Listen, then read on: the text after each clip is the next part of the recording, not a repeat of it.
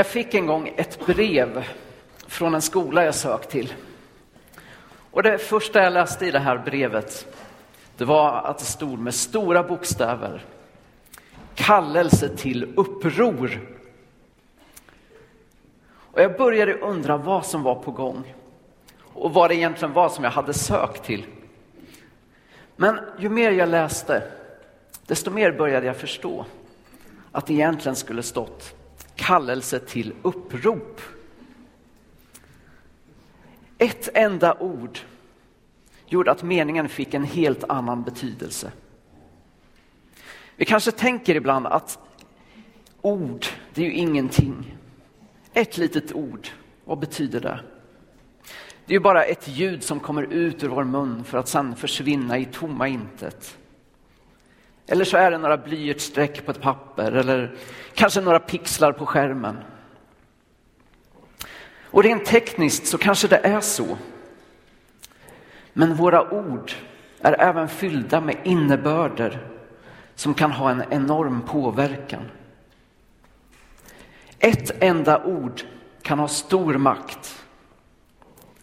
Ett enda ord kan trycka ner och förgöra. Och ett enda ord kan bygga upp och ge liv. I dagens bibeltext är det just ett ord som hamnar i fokus. Vi läser från Matteus 8, vers 5 till 13. När han gick in i Kafarnaum kom en officer fram till honom och bad om hjälp. Herre, min tjänare ligger förlamad där hemma och har svåra plågor. Jesus sa, ska då jag komma och bota honom? Officeren svarade, Herre, jag är inte värd att du går in under mitt tak. Men säg bara ett ord så blir pojken frisk. Jag är själv en som står under befäl och jag har soldater under mig. Och säger jag till den ene, gå, så går han. Och till den andre, kom, så kommer han. Och säger jag till min tjänare, gör det här, så gör han det. Jesus blev förvånad och sa till dem som följde honom. Sannerligen, inte hos någon i Israel har jag funnit en så stark tro. Jag säger er att många ska komma från öster och väster och ligga till bords med Abraham och Isak och Jakob i himmelriket. Men rikets egna barn ska kastas ut i mörkret utanför. Där ska man gråta och skära tänder. Och till officeren sa Jesus, gå, du trodde och det skall ske. Och i det ögonblicket blev pojken frisk. Officeren levde i en värld där ord verkligen betydde något. Det var genom ord han fick se saker hända. Han visste också vad han hade för befogenheter. Som en högt uppsatt militär så hade han i strid både auktoritet och makt att förgöra och att ta liv genom att bara säga ett ord. Men han visste också vad han hade för begränsningar. När det istället handlade om att hela och att ge liv, då var han helt maktlös. Och det är här hans starka tro visar sig. För karriärsmässigt så hade officeren en hög position. Och han bemötte säkert med en enorm respekt av de flesta. Med ett enda ord så kunde han få andra att göra precis som han ville. Han befann sig i en maktposition som få andra kom i närheten av. Men ändå så är det en ödmjukhet som lyser igenom och en insikt om att hans makt ändå var begränsad. När han kom fram till Jesus så sa han Herre, jag är inte värd att du går in under mitt tak. Och när någon som själv har så hög status kan uttrycka de orden, då bevisar det att han verkligen hade kommit till insikt om något viktigt. att Jesus hade en auktoritet och en makt som långt översteg den som officeren själv hade blivit tilldelad. Vi märker att officeren egentligen inte ville besvära Jesus. Han vill inte ta av hans dyrbara tid och be honom följa med hem till den förlamade tjänaren. Det enda han bad om, det var ett ord. Ett ord som bara skulle ta en kort sekund för Jesus att tala ut. Det ser ut att vara så lite det han bad om. Det ser ut att vara så meningslöst. Men det är här som officerens starka tro blir så påtaglig. Han var övertygad om att det inte bara var tomma ord som lämnade Jesu mun. Han var övertygad om att det fanns en kraft, en makt och en auktoritet i hans ord som övergick allt förstånd. Jag vet inte hur officerens eh, gudsrelation såg ut. Jag vet inte hur ofta han var på gudstjänst eller hur flitig han var med sina skriftläsningar. Men om man jämför med fariseerna och andra judiska skriftlärda så kan i alla fall jag tänka mig att han låg i lä ganska rejält. Ändå sa Jesus att inte hos någon i Israel har jag funnit en så stark tro. Vad innebär det då att ha en stark tro?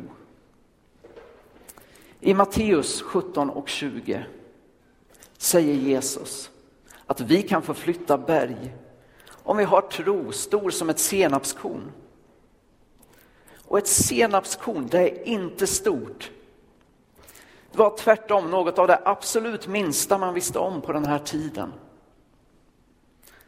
Och det låter ju snarare som man inte behöver så mycket tro. Men ändå verkar det ju som om en stark tro är något viktigt för Jesus. Så hur får vi ihop det där? Jag tror det kan vara så att den tro Jesus talar om, det handlar mer om kvalitet än kvantitet. Det är så lätt för oss att hamna i det här tänket att vi måste jobba på vår tro för att få den att växa. Och då tror jag att det handlar om att pumpa upp våra andliga muskler så att vi blir lite mer fromma och kan visa Jesus hur duktiga vi är och hur långt vi har kommit i vår tro. Det blir en tro som baseras på våra egna prestationer. Och jag tror inte det är en sådan tro Jesus är intresserad av. Om vi går tillbaka till senapskornet och låter det representera vår tro. Vad kan ett senapskorn göra av egen kraft? Inte särskilt mycket.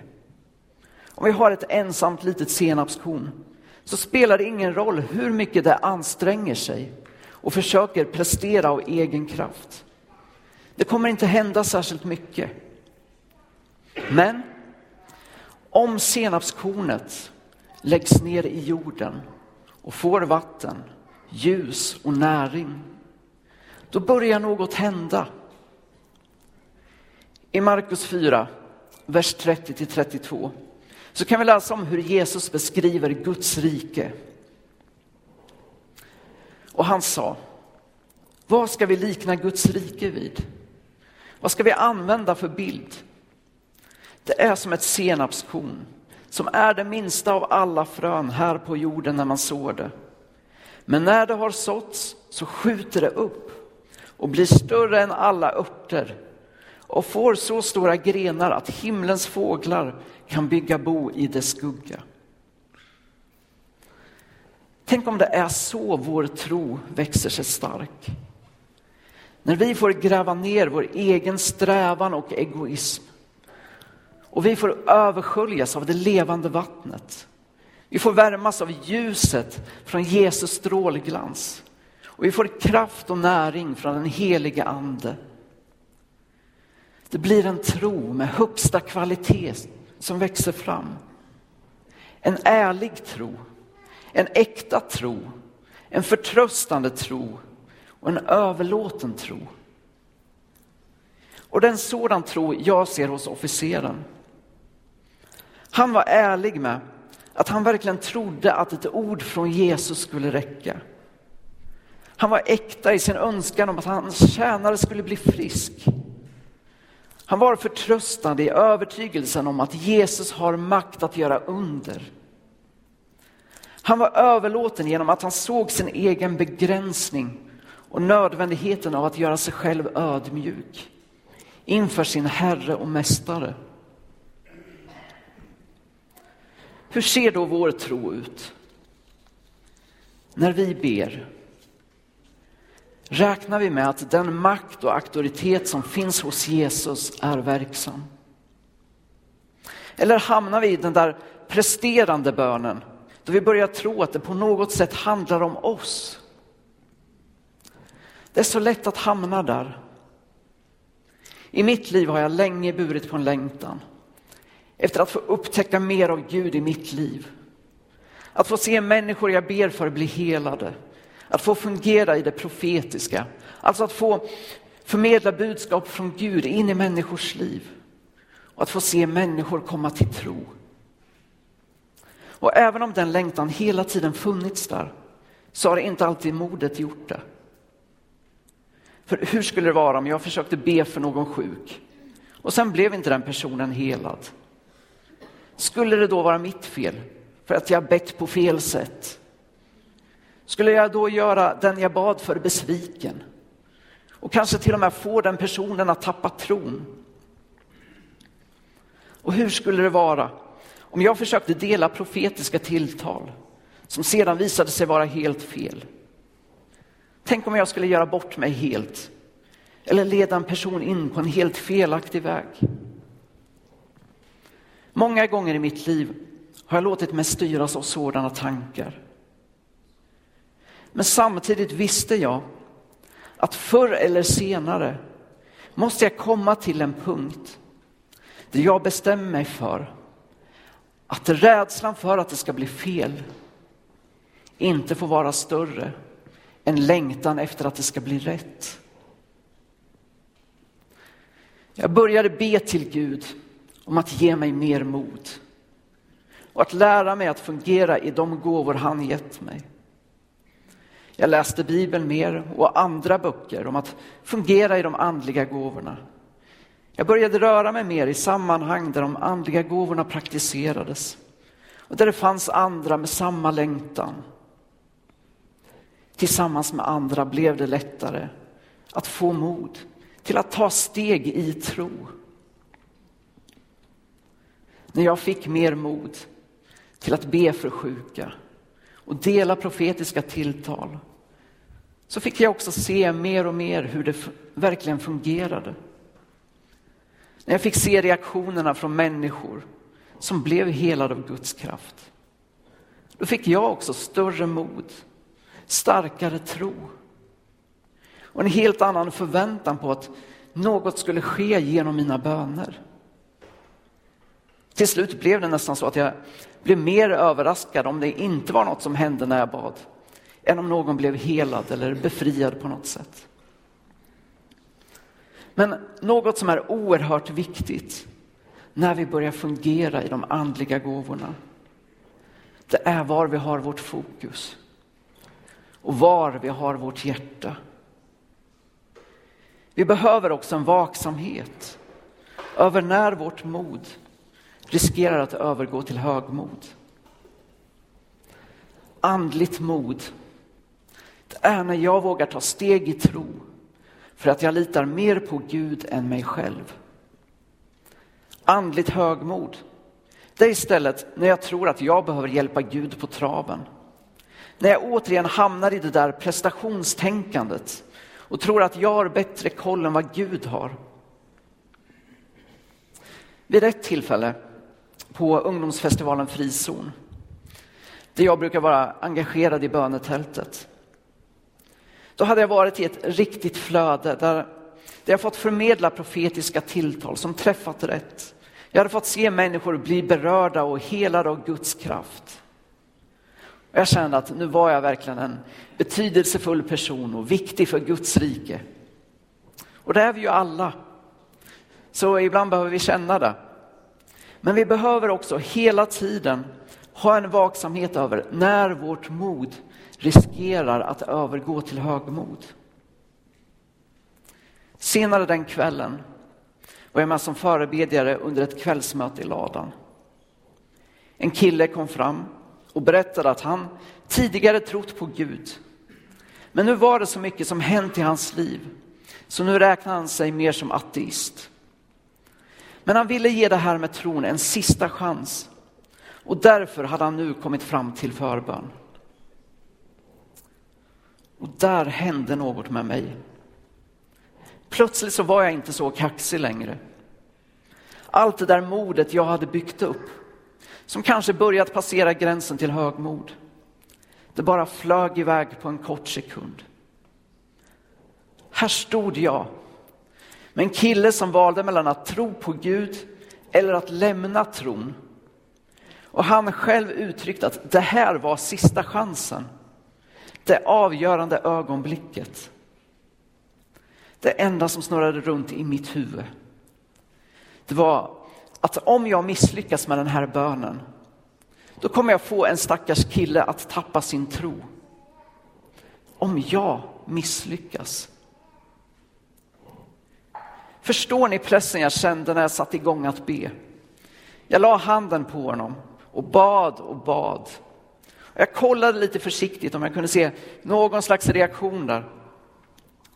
Men killen bara stod där och verkade helt oberörd. Jag kände mig helt maktlös och visste inte riktigt vad jag skulle ta mig till. Till slut gav jag upp och jag insåg att det inte fanns något som jag själv kunde göra åt den här situationen. Så jag vände mig till Gud och bad. Gud, ta hand om det här. Och när jag till slut sa amen och avslutade bönen, då verkade killen fortfarande lika oberörd.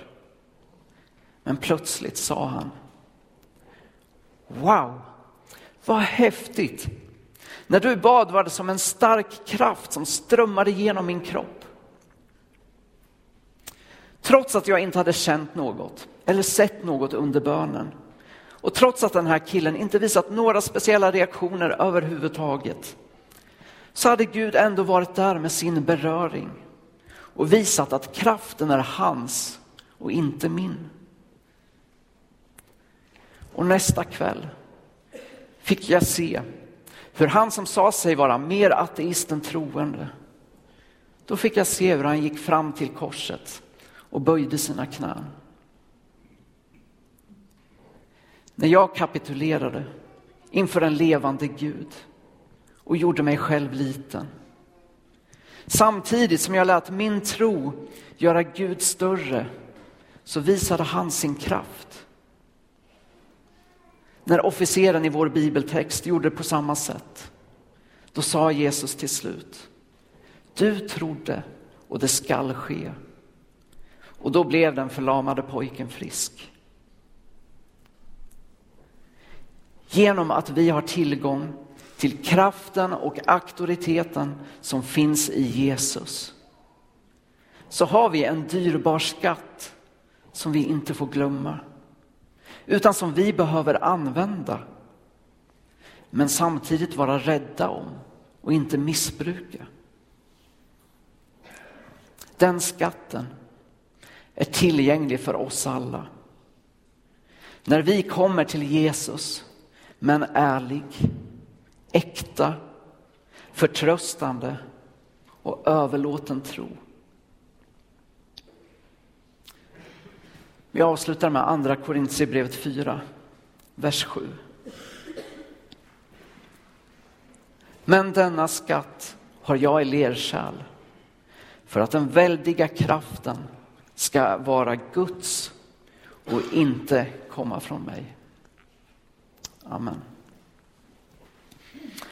Herre, jag tackar dig för att kraften är din.